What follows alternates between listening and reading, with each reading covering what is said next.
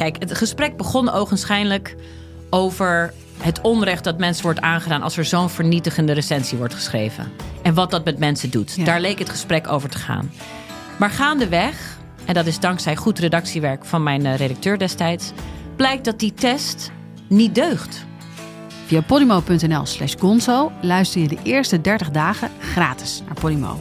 podimo.nl slash gonzo. Liegen over een mondkapjesdeal die je hebt gesloten met de overheid. Een deal waarmee je miljoenen hebt verdiend. Dat doet toch alleen Siewert van Liende? Nou, nee. Ik ben Felicia Alberding en in de Mondkapjesmiljonairs duik ik met een team van correspondenten in andere schandalen. Want wist je dat Siewert helemaal niet uniek is? Luister de Mondkapjesmiljonairs in je Podimo-app. Of ga naar podimo.nl slash mondkapjes. En probeer Podimo 30 dagen. podimo.nl slash mondkapjes. Hallo, welkom bij de wekelijkse podcast van de Groene Amsterdammer. Ik ben Kees van der Bos.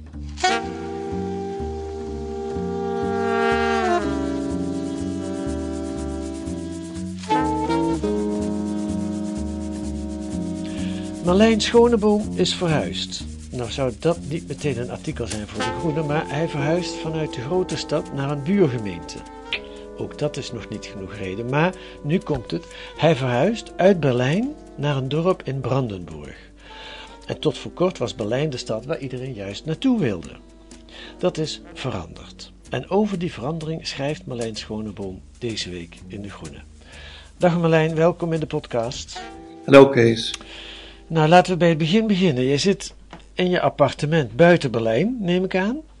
Nee, nee, nee. Oh. Ik, zit, ik, zit, ik heb een bureau in de stad. Dus Ah. of een kantoor heet dat, hè? bureau in het Duits. Ja. Ik heb een kantoor in de stad. Ik kom daar best wel snel eigenlijk. Ehm, dus ik heb, ik heb per week heb ik de constante wissel tussen, tussen stad en land. Maar ook inderdaad tussen een Oost-Duitse gemeente en Ja. de Duitse hoofdstad. Ja. ja, je hebt de voordelen van allebei op die manier, zou je kunnen zeggen. Eh, Zo is het, ja. ja. Goed, dat zal ik even uitleggen. Ik zit thuis en niet in, achter de microfoon in de studio zoals gebruikelijk, omdat ik in eh, quarantaine zit. Maar de kans dat ik jou via deze telefoongesprek besmet is uiterst klein, blijkt. Gelukkig. Ja. ja. Ehm, ja, nou gooi je mijn begin van het gesprek in duigen, maar dan ga ik het anders beginnen. Bes- beschrijf je appartement dus, eh, wat je nog niet zo lang geleden, hoe lang is het geleden eigenlijk dat je verhuisd bent? Nou, wij zijn, wij zijn verhuisd ehm, ehm, in exact de eerste maand van de eerste lockdown, zoals het eh, zo mooi heette. Oké. En eh, dat was ook zo'n moment dat, dat alles ook in de stad te dicht op elkaar voelde. Hè? Dus het was zo'n bevrijding dat je dan naar zo'n zo'n plek gaat die ehm, toch een beetje anders dan Nederland ook echt een ehm, andere wereld is. Dus je gaat de grens over, de stadsgrens, en daar houdt de stad ook direct op. Daar begint een bos. En eh, dan staat er ook nog, een, als je bij het dorpje komt, een stuk van de muur. Dus de oude Berlijnse muur. Dus je voelt, je komt in een andere wereld terecht. Dan volgen er monumenten. Dan komt er inderdaad zo'n Sovjet- Sovjet-monument nog. En je, je voelt, je bent in een andere wereld. En voor ons was het tegelijkertijd een, een, een, een sprong in een, in een betere wereld. Inderdaad. Het gevoel dat, we, dat te vol, te vies, te veel, te kapot eh, was geworden. En ook te duur. En dat het samenviel met die lockdown, eerste lockdown, dat was toeval? Of, of had dat ook... Nou ja, dat was inderdaad toeval, maar tegelijkertijd was het ook zo'n moment dat er, dat er heel sterk. ehm, we zaten allemaal binnen natuurlijk en niemand had meer contact. En dan Ja. was het naar buiten gaan, was, was een extra luxe, dat ge- geef ik toe. Dat was ook de. Hè, dus dat, dat, dat, dat, dat bos waar je ineens terecht kwam, eh, was, was altijd een extra grote aantrekkingskracht. Ja. Maar er komt natuurlijk veel meer samen. Bedoel, eh, ehm, voor ons was het een persoonlijke eh, beslissing. Het ging ook heel snel. We hebben er niet heel lang over nagedacht. Maar op hetzelfde moment begonnen ook de kranten hier te schrijven over een fenomeen wat prachtig Duits stadvlucht genoemd wordt. Ja, klinkt toch En- altijd mooier in Ja, klinkt, klinkt maar ook dramatisch. Hè? Het klinkt gelijk, oh god, er is iets heel ergs aan de hand. Ja, En we vluchten allemaal weg. Maar inderdaad, er kwamen toen cijfers. eh, steeds meer mensen lees je dan. En opeens ben je deel van die steeds meer mensen die de stad uitgaan.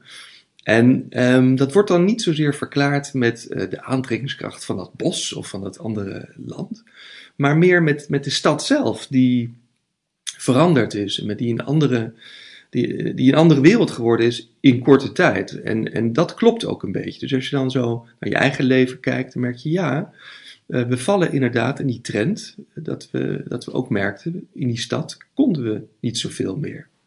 Nou ja, dat, daar wil ik wel meer over horen. Want je woonde uh, in Kreuzberg, geloof ik, in, in, Berlijn. Dat is nou ja, the place to be, zou ik maar zeggen. Nou ja, welk, welke wijk is eigenlijk niet the place to be in Berlijn? Maar een hele, op een bepaalde manier hele populaire, hele alternatieve wijk. Uh, ja. Daar heb je wel tien jaar gewoond?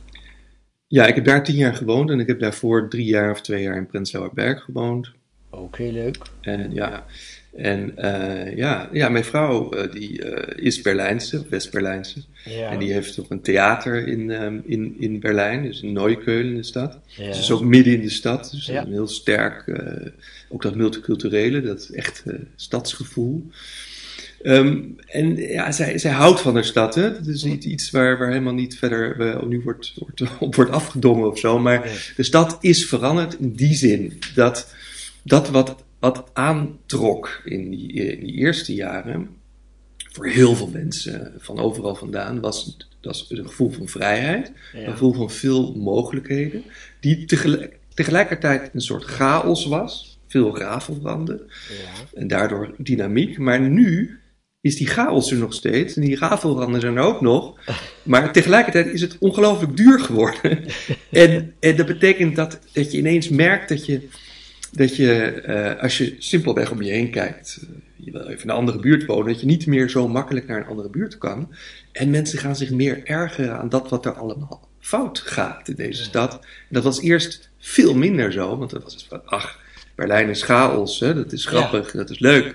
Maar die chaos gaat nu gepaard met dat wat ja, de normale westerse stad uitmaakt. Hoge prijzen, uh, speculatie, uh, et cetera, et cetera. En dat, ja, die combinatie is, is gek en die voelt gek. Ja. Ook voor, voor mij en ook voor zo'n Berlijn, zelfs mijn uh, vriendin. Maar, maar leg dat eens uit, want ik kan me voorstellen. Um, ik ken Berlijn ook een beetje. M mijn zoon heeft er een jaar gewoond. Ik ben er, ben er een paar keer geweest. Um, um, het, een van de charmes van Berlijn, dat snap ik wel, was op een bepaalde manier dat het een arme grote stad was. Ja. Uh, en dat die armoede, ja, die was geen pijnlijke of vervelende armoede, tenminste zoals ik hem meemaakte als toerist, maar was hele creatieve armoede. Ja. Uh, het dwong mensen tot allerlei initiatieven om, die, om dingen zonder geld of met zo weinig mogelijk geld op te lossen. Ja, dat klopt. En is dat dan, wat, wat is er gebeurd? Wat verandert er dan? Kijk, dat het duurder is geworden. Ja, dat zal wel de normale ontwikkeling zijn. Hè? Dat een populaire stad en mensen, huizenbezitters gaan de prijzen verhogen. En blijkbaar is, is, de gemeente niet in staat geweest, want er zijn wel allerlei berichten over gekomen, is de gemeente niet in staat geweest om dat tegen te houden. Nee, nee, nee. Dat wordt ook wel een probleem voor de toekomst. Want die stad blijft natuurlijk voor een groot gedeelte arm. Mm -hmm. Maar aan de andere kant zijn die prijzen dus veel hoger geworden. Kijk, het is nog steeds een creatieve stad in die zin dat die creativiteit die wordt nu in banen geleid. Hè? Het is dus van een alternatief creatieve stad is het naar een meer start-up start uh, aan het worden, waar, waar veel uh, creatievelingen in de, in de zogeheten, uh, in, in, de, in de, in de um, dus nieuwe technologie sector, zeg maar zeggen, aan het werk zijn. Maar dat is een andere, dat is een andere sfeer. Hè. Er komt, um, toen Elon Musk hier zijn fabriek opende, Tesla fabriek hier net buiten Berlijn, dan, dan zocht hij ook precies dat op. Dat, dat idee dat hier misschien dat nieuwe Silicon, Valley ontstaat. Hè? Dat, gevoel. Maar dat is, dat is natuurlijk een ander soort Berlijn dan het in het begin van de 21ste eeuw was. Ik moet er wel bij zeggen dat het niet zo is dat, dat, dat ik de stad nou onprettig vind. Of dat ik er niet graag kom. Ik kom er erg graag. Maar voor het wonen, uh, voor een gezin. Hè, want wij waren natuurlijk een gezin geworden inmiddels. Uh, is het dan, is de frustratiegraad enorm hoog als, als die stad aan de ene kant dus kapot blijft en dingen niet functioneren. En dan, dus scholen bijvoorbeeld, dat was voor ons natuurlijk een heel belangrijke reden. Scholen, maar ook het, dus burger, burgerzaken, dat soort dingen. Weet je, als je een paspoort aan wil vragen, dan ben je maanden aan het wachten. Ehm, en dat is maar een klein voorbeeld. Waarom eigenlijk? Omdat het gewoon slecht georganiseerd is. Het is volkomen, volkomen slecht georganiseerd. Ik bedoel, de, zelfs de verkiezingen zijn hier ehm, eh, mislukt. In die zin dat die verkiezingen voor een deel over moeten gedaan worden.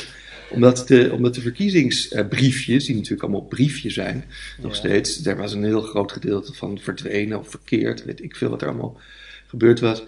Ehm, een vriend van mij werkt bij de afdeling eh, fietspaden. Een oude buurman van mij is dat. Ja. De afdeling fietspaden van de stad. Die kwam uit München en vol, vol begeistering, hè, vol enthousiasme kwam die hier om dus dat beleid naar een groene, naar een nieuwe groene stad vorm te geven. En die jongen zit na vijf jaar, zit hij, ik kwam laatst tegen, hij is zo gefrustreerd. Hij zei, niets gaat, niets functioneert. Het lukt gewoon niet.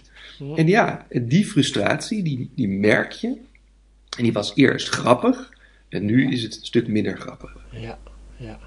En, ehm, en, wa- en waarom lukt het niet? Omdat het is toch niet echt Duits om dit soort dingen niet te laten functioneren? Ja, nou, dat is misschien, het is, ja, dat is een, het, het mooie cliché van de, van de, de Pruisische deugden, Ja, de discipline en dergelijke. Maar ja, als je, dat, als je daar te lang misschien ehm, te veel regeltjes hebt en te lang te veel mensen die al die regeltjes moeten uitvoeren, dan wordt het op een gegeven moment een, ehm, ja, een, een, een, een, in het Duits het verkroestend, dat het allemaal een beetje een korst eroverheen komt. En dat het helemaal niet meer, niet meer flexibel kan zijn en dat het vast zit. Het zit volkomen vast. Ja. Berlijn heeft twee tem- tempo's. Aan de ene kant is dat tempo van die, van die nieuwelingen die er overheen willen, die dynamisch willen zijn en die ook veel meebrengen. Aan de andere kant zit die structuur van het oude en eh, oude Oost- en West eh, bureaucratie, die zit eronder en die houdt tegen en die, en die, en die werkt niet mee. En dat, dat is een conflict wat, wat, wat journalistiek mooi is om te zien. Mhm. Maar als je op een gegeven moment twee kinderen hebt en je wil gewoon dat die school functioneert en je wil dat die paspoorten snel geregeld worden, dan is het heerlijk om ineens in Oost-Duitsland te wonen, waar het allemaal heel snel gaat en goed. ja, dat is de omgekeerde wereld eigenlijk. Omgekeerde wereld, ja, ja, ja. Nou ben ik eens ooit vanuit Nijmegen met de fiets naar Berlijn geweest. En dan kom je dus vanuit Magdeburg ongeveer ook door het voormalige Oost-Duitsland. eh, waar jij dus nu woont, eh, maar dan dicht bij Berlijn. En ehm, ja, wat mij toen opviel, en dat lees ik ook voor een deel in jouw stuk, is... Ik trof eigenlijk bijna alleen maar verbitterde oude mensen in die dorpen en steden die voor voormalig Oost-Duitsland lagen. Want ze waren eh, opgegeten door West-Duitsers, ze waren tweederangs burgers geworden in eigen land. En vroeger ging het allemaal niet alleen om geld, maar ook waren ook andere waarden belangrijk. Ehm, schets ik daarmee ook een beetje de sfeer in jouw dorp? Nee, maar je schetst wel exact de sfeer die bijvoorbeeld twee dorpjes verder nog eh, heerst. Dus dat is inderdaad, als, hoe verder je weggaat van de stad, Ja. hoe meer je dat nog hebt. Maar er is op dit moment natuurlijk een, een, een ja, ik noem het ontginning. Je kan het ook kolonisatie, kolonis- kolonisatie noemen. Van die regio gaande. Ja, Maar het is waar dat, dat hoe verder je komt, eh, eh, hoe meer dat gevoel nog heerst. En het is niet alleen eh, economisch, hè, dat, je dus, eh, dat er dus armoede heerst. Maar, het is, maar dat gevoel van die tweederangs burgers, wat wat je zegt, is ook omdat er steeds met die vinger wordt gewezen. Jullie zijn niet goed. Hè? Dus alles wat jullie doen, dat klopt niet. Ja. Jullie politiek is niet goed, de manier hoe jullie denken is niet goed. Eh, zelfs dat jullie naakt lopen in de, op het strand, weet je, de FKK, dat was op een gegeven moment ook niet meer goed. Bij wijze van spreken. Het enige wat goed is, is dat de, de Oost-Duitse vrouw geëmancipeerder is dan de West-Duitse vrouw. Dat, dat, dat wordt wel als goed gezien. oké. Maar dat zijn dus van die momenten dan. Maar over het algemeen wordt er gewezen, en zeker eh, gewezen naar de Oost-Duitser, als diegene die rechtser is. Ja. Die dus niet multicultureel, open en postnationaal is. Ja. En ja, en dat, en dat, dat, dat, dat blijft. Dat vingertje, dat morele vingertje blijft. Ja. Auslanderfeindlich. Ausländer Feindlich, ja, en het, het is ook voor een gedeelte zo. Ik bedoel, wij hebben ook een, eh, een zo'n zo'n datsje, hè, zo'n klein zomerhuisje iets Ja. verder in het oosten. Ja. Daar kom, je, daar kom je ook wel echt in. Soms situaties die ook echt wel even slikken zijn. Er zijn momenten geweest dat ik even dacht, ik praat even geen Nederlands. Mm. Hè, om even toch die, eh, dat, hè, dat het allemaal, eh, dat ik niet opeens de buitenlander ben. Dat klopt, het klopt ook wel. Maar, aan de andere, maar er is ook een andere kant bij, wat jij net zei, tweederangs burgers. Het Ja. klopt ook. Maar er zijn, het zijn twee kanten. Hè? Ik bedoel, ehm, eh, ehm, dus, dus als je als. Het was ook het eerste wat ik ging verwachten. Dus ik ging verwachten dat ik dit ging meemaken. Zelfs in Ja. dat dorpje direct over de grens. Maar- Om, Het was zo erg voor jou in Kreuzberg dat je dat voor lief nam. ja, nou, dat was wel. Het is ook een heel mooi dorp. Hè? Het is heel Ja. prachtig. Hè? Het is heel mooi. Maar het is inderdaad zo. Ik vond het spannend. Ik vond het ook interessant. Mhm. Ehm, maar ik ging er ook wel een beetje naar op zoek. Ik zag het overal. Dus ik zag in het begin. kwam ik toch een beetje met die bril. Van, van wat ik had gelezen. Van ik kom nu in, het, in dat andere land. Wat er ook. Wat wordt, wordt aangekondigd. Hè? Met die muur die daar staat. En dat, Ja. en dat Sovjet-monument bij mijn deur vlakbij. Ja. Dus het wordt aangekondigd en ik zag het ook overal. Ehm, en ik moest er laatst weer aan denken. Dan loopt er bijvoorbeeld hè, dan is er zo'n oud mannetje of vrouwtje. En die begint dan te zeggen dat je vooral niet op de stoep mag, rij- mag fietsen. Hè, zoiets. Hè. En dan, eerste wat je denkt, het eerste wat je ook voelt opborrelen, is het, is het scheldwoord Stasi. Dat is het eerste wat je voelt. Ja. En, en, en nou ja, nou is het ook wel zo dat dat ook wel zou kunnen. Hè? Dus Ja. Veel van die oudere mensen die in dat dorp wonen, die hadden vroeger eh, hogere posities bij de Stasi, want het is een heel mooi dorp, direct tegen de muur geweest. Ja, en ze vertrouwden niet iedereen Nee, om nee daar dus, te gaan wonen. dus dat gevoel is er ook wel een beetje tussen de nieuwelingen en de, en de ouderen, dat je altijd denkt, het kan zomaar zijn hè, dat daar iemand eh, da- daar vandaan komt. Maar met die bril erheen gaan zorgt ook voor, ehm, voor vooroordelen. Ja. En, en, eh, en ook dat je dus inderdaad gaat kijken, het verleden moet weg. Hè? Dat je dus doet dat het er gewoon allemaal geen rol speelt. Alles wat nieuw is, is goed. Wij zijn goed. Mhm. En wat jullie daar deden, was niet goed. Mhm. En dat, dat is iets wat, wat nu pas, en dat is dus eigenlijk de laatste jaren constant zo geweest. Mhm. Maar je merkt nu wel een nieuwe ontwikkeling, en dat is meer interesse in dat verleden, wat zo lang geleden is. Er wordt bijvoorbeeld in ons dorp een museum gebouwd voor de dorpsgeschiedenis. En daar kunnen dus die hele oudere generatie, die mag dan onder leiding van twee jonge internationale curatoren, mogen ze nu eh, die dorpsgeschiedenis eh, samenstellen. En dat is, een, dat is een nieuwe ontwikkeling, een nieuw pact wat daar gesloten wordt Ja. tussen nieuw en oud. Dat is mooi. En dat willen ze ook wel, die ouderen. Ja, dat willen ze ook wel. Het verhaal kwijt en dus vertellen dat dit is ook van ons. De geschiedenis is niet weg en het is weggedrukt.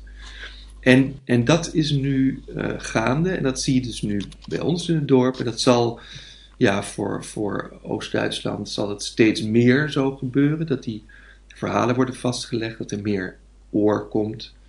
Ehm, want die regio verandert. Die verandert heel snel. Door die stadvloed. Onder andere door die stadvloed, ehm, ook omdat ehm, eh, er bedrijven gevestigd worden. Ik noemde net al eh, Tesla, Ja. die een fabriek heeft ge- eh, geopend. Dat is aan de andere kant van de stad in Brandenburg. Eh, daardoor komen weer nieuwe bedrijven daarop af. Er is nu een, eh, ehm, je ziet zo'n cluster ontstaan. En daarmee wordt er een beetje gegokt dat dat wat Berlijn in de jaren 20 van de vorige eeuw had, namelijk de metropool die opkwam, die dus een sterk creatief en cultureel centrum was, maar daaromheen en daarin ook een economische kracht was, Mhm.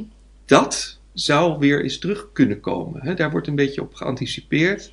En daar heb- heeft men die regio voor nodig. Die regio waar dus ja, je eigenlijk zo snel mogelijk doorheen reed vroeger.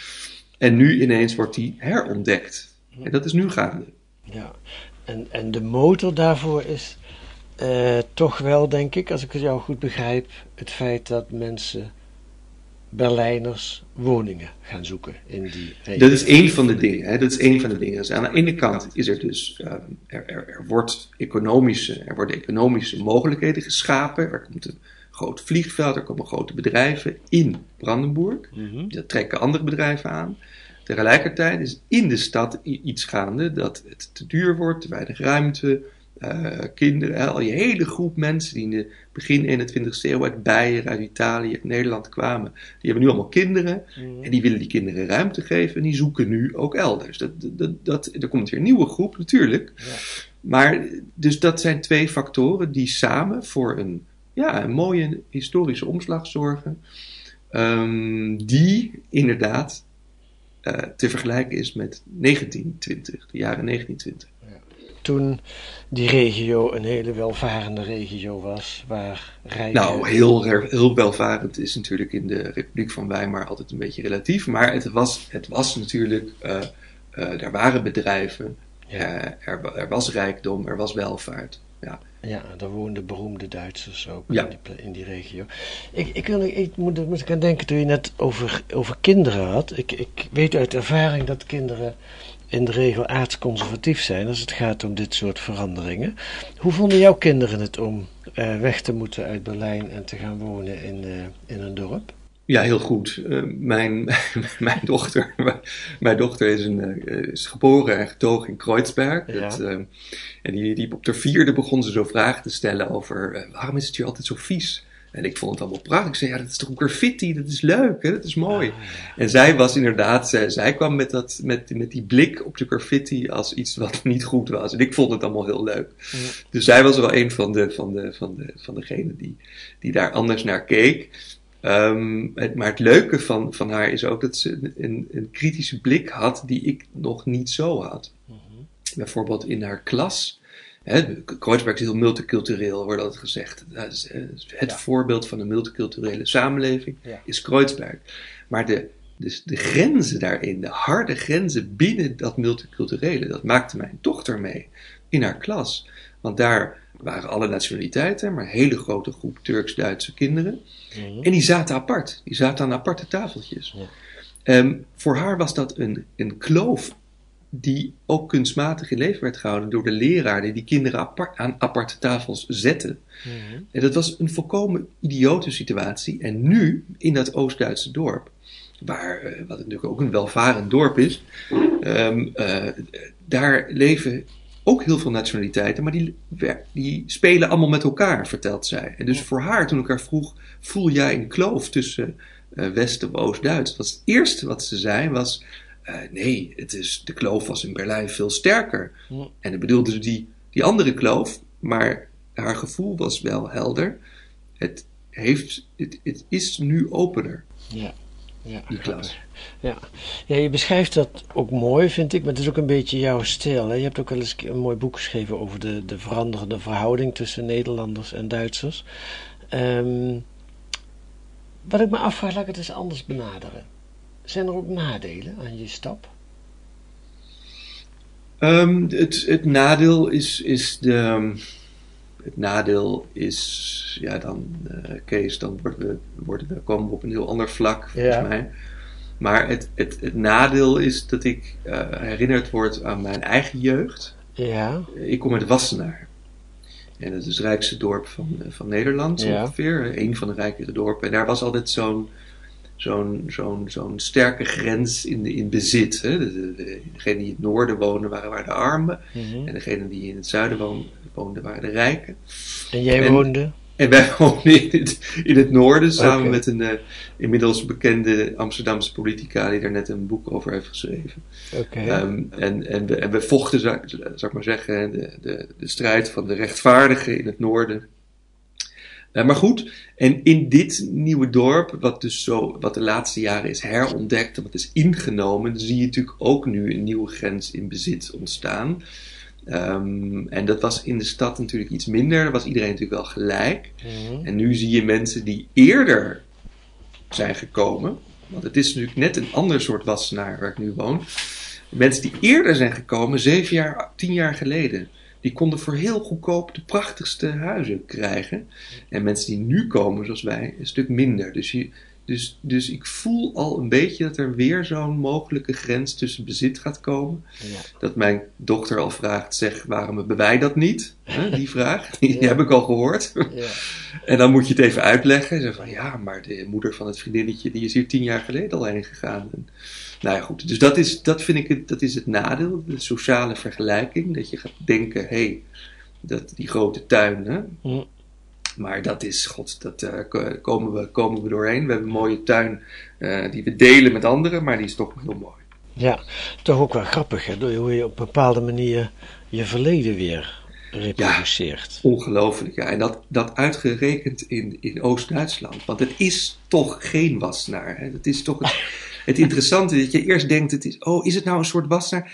En ineens zie je dan weer dat Sovjet-monument voor je deur staan. Ja. En dan voel, dan voel je weer zo sterk. Of dan was het in de, de kleuterschool van mijn zoon. Dan werden daar de corona eh, grenzen op dat speeltuintje werden weggehaald. En dan roept die kleuterjuf echt vrolijk uit. Oh, ik heb het gevoel alsof de muur weer gevallen is. Zo'n opmerking. Ja. Ehm, eh, opeens word je dan weer de- 30 jaar, 33 jaar geleden terug in de tijd gecatapulteerd. En dan merk je, dit is geen Wassenaar, dit is geen Nederland. Ook al doen al die expats dat het toch een beetje zo is. Ineens ehm, is dat verleden er weer. En je merkt dat het verleden, wat je dacht dat weg was, onderdeel wordt van de opvoeding en de jeugd van jouw kinderen. Ja. En dat is, dat is gek. En dat is ook mooi Ja. Omdat we, er, omdat we het nu proberen in te binden. Ik vertel die verhalen. We fietsen door zo'n bos. We fietsen door het bos naar de Wannsee. Wannsee is West-Berlijn. En dan vertel ik, in dit bos stonden de soldaten. En dan zie je dus ook die resten nog. Je ziet gewoon, dan kijkt mijn zoon en die vindt het heel spannend. Ja. En, die, en die weet nu dat daar geschoten werd in dat bos. En dat zegt hij nu elke keer. Ja, ja, ja. Ja, ja, want in Wassenaar heb je veel minder eh communistisch. eh, Daar werd niet geschoten, hè, vroeger. niet werd- ja, misschien de, de jagers, de, de vossenjacht misschien ooit. ja, ja, ja. Nee, prachtig. Ehm, ehm, ja, en daar ligt ook wat jij, wat jij probeert te beschrijven volgens mij, wat je net ook al een beetje zei. De toekomst om al die werelden samen te voegen is om dat verleden een plaats te geven, om dat te erkennen op de een of andere manier. Hè? Precies, dat wegdrukken, dat, dat, ehm, dat is toch niet, eh, is niet goed. Nee. Kijk, het idee, het, het moet anders. We kunnen niet de school bijvoorbeeld met dezelfde leraren ehm, eh, zo doorzetten. Want het is een tijd zo geweest. Dat mensen gewoon die scholen wilden mijden, omdat daar dan leraren waren. Die waren opge, of gesocialiseerd, heet dat dan, in de DDR. En dat merkte je gewoon. Ja. Kijk, en dat wil niemand. En nu zie je, er komen nieuwe leraren. En dan, en aan de ene kant wordt dan het verleden weggedrukt. Aan de andere kant, of geval wordt verbeterd. Aan de andere kant eh, hoop je, en dat komt ook, dat er oog komt voor ehm, de verhalen van de mensen die er vandaan komen. En dat is iets wat, wat nu gaande is en dat is goed. Een mooie bijdrage aan het themanummer over grenzen, eh, dit zomernummer van De Groene. Ehm, waar woon je over tien jaar, Merlijn? Heb je daar al een idee van? Eh, mijn dochter wil heel graag naar Nederland. het land waar alles goed is. En dan, en dan ja, wat moet ik dan zeggen, Kees? Het land waar alles goed is in Nederland. Ehm, het is wel waar. Als je met de trein rijdt door Duitsland en je komt in Nederland, dan is alles zo schoon gevreven. Hè, er zijn geen, is geen graffiti aan de muur, er zijn geen ruïnes. En, en, en, en dat is het gekke van Duitsland. Duitsland is een, is een rijk land, ook het, maar ook het Westen. Daar zie je nog helemaal van die kapotte plekken en die kapotte wegen ook. En Nederland is een heel schoon gevreven land. En, en voor mijn, mijn dochter is dat iets moois. Ik heb het zelf altijd willen ontvluchten, maar ik zou ook nog kunnen voorstellen dat ik er ook weer heen ga. Oké, nou misschien dan over tien jaar een mooi artikel over het leven in Wassenaar. Marlijn Schoneboom, dankjewel voor dit gesprek. Graag gedaan. Wat staat er nog meer in het dubbeldikke zomerspecial van De Groene deze week over grenzen? Een reportage over de voedselbossen die aan een snelle opmars zijn begonnen. Zeker ook hier in de buurt van Nijmegen. Je hebt ze in allerlei soorten en maten, maar ze hebben één ding gemeen. Na zeven jaar voornamelijk niet te doen, heb je een overvloedige oogst aan tal van vruchten, noten en kruiden. En een reportage uit Bosnië. Na de Russische inval in Oekraïne neemt het verzet daar tegen nationalistische politici toe. Kunt u lezen met een abonnement of een proefabonnement. Ga dan naar groene.nl. Daar staat uitgelegd hoe u 10 weken de groene krijgt voor 15 euro. sorry. Ga naar groene.nl. U kunt reageren via de mail. Ons adres is podcast.groene.nl. En volgende week zijn we er weer met analyses en achtergronden bij het nieuws in deze podcast van de Groene Amsterdammer. Die deze week werd gemaakt door Pauline van Andel en Kees van der Bos. En de muziek is Tune for N van Paul Kingma.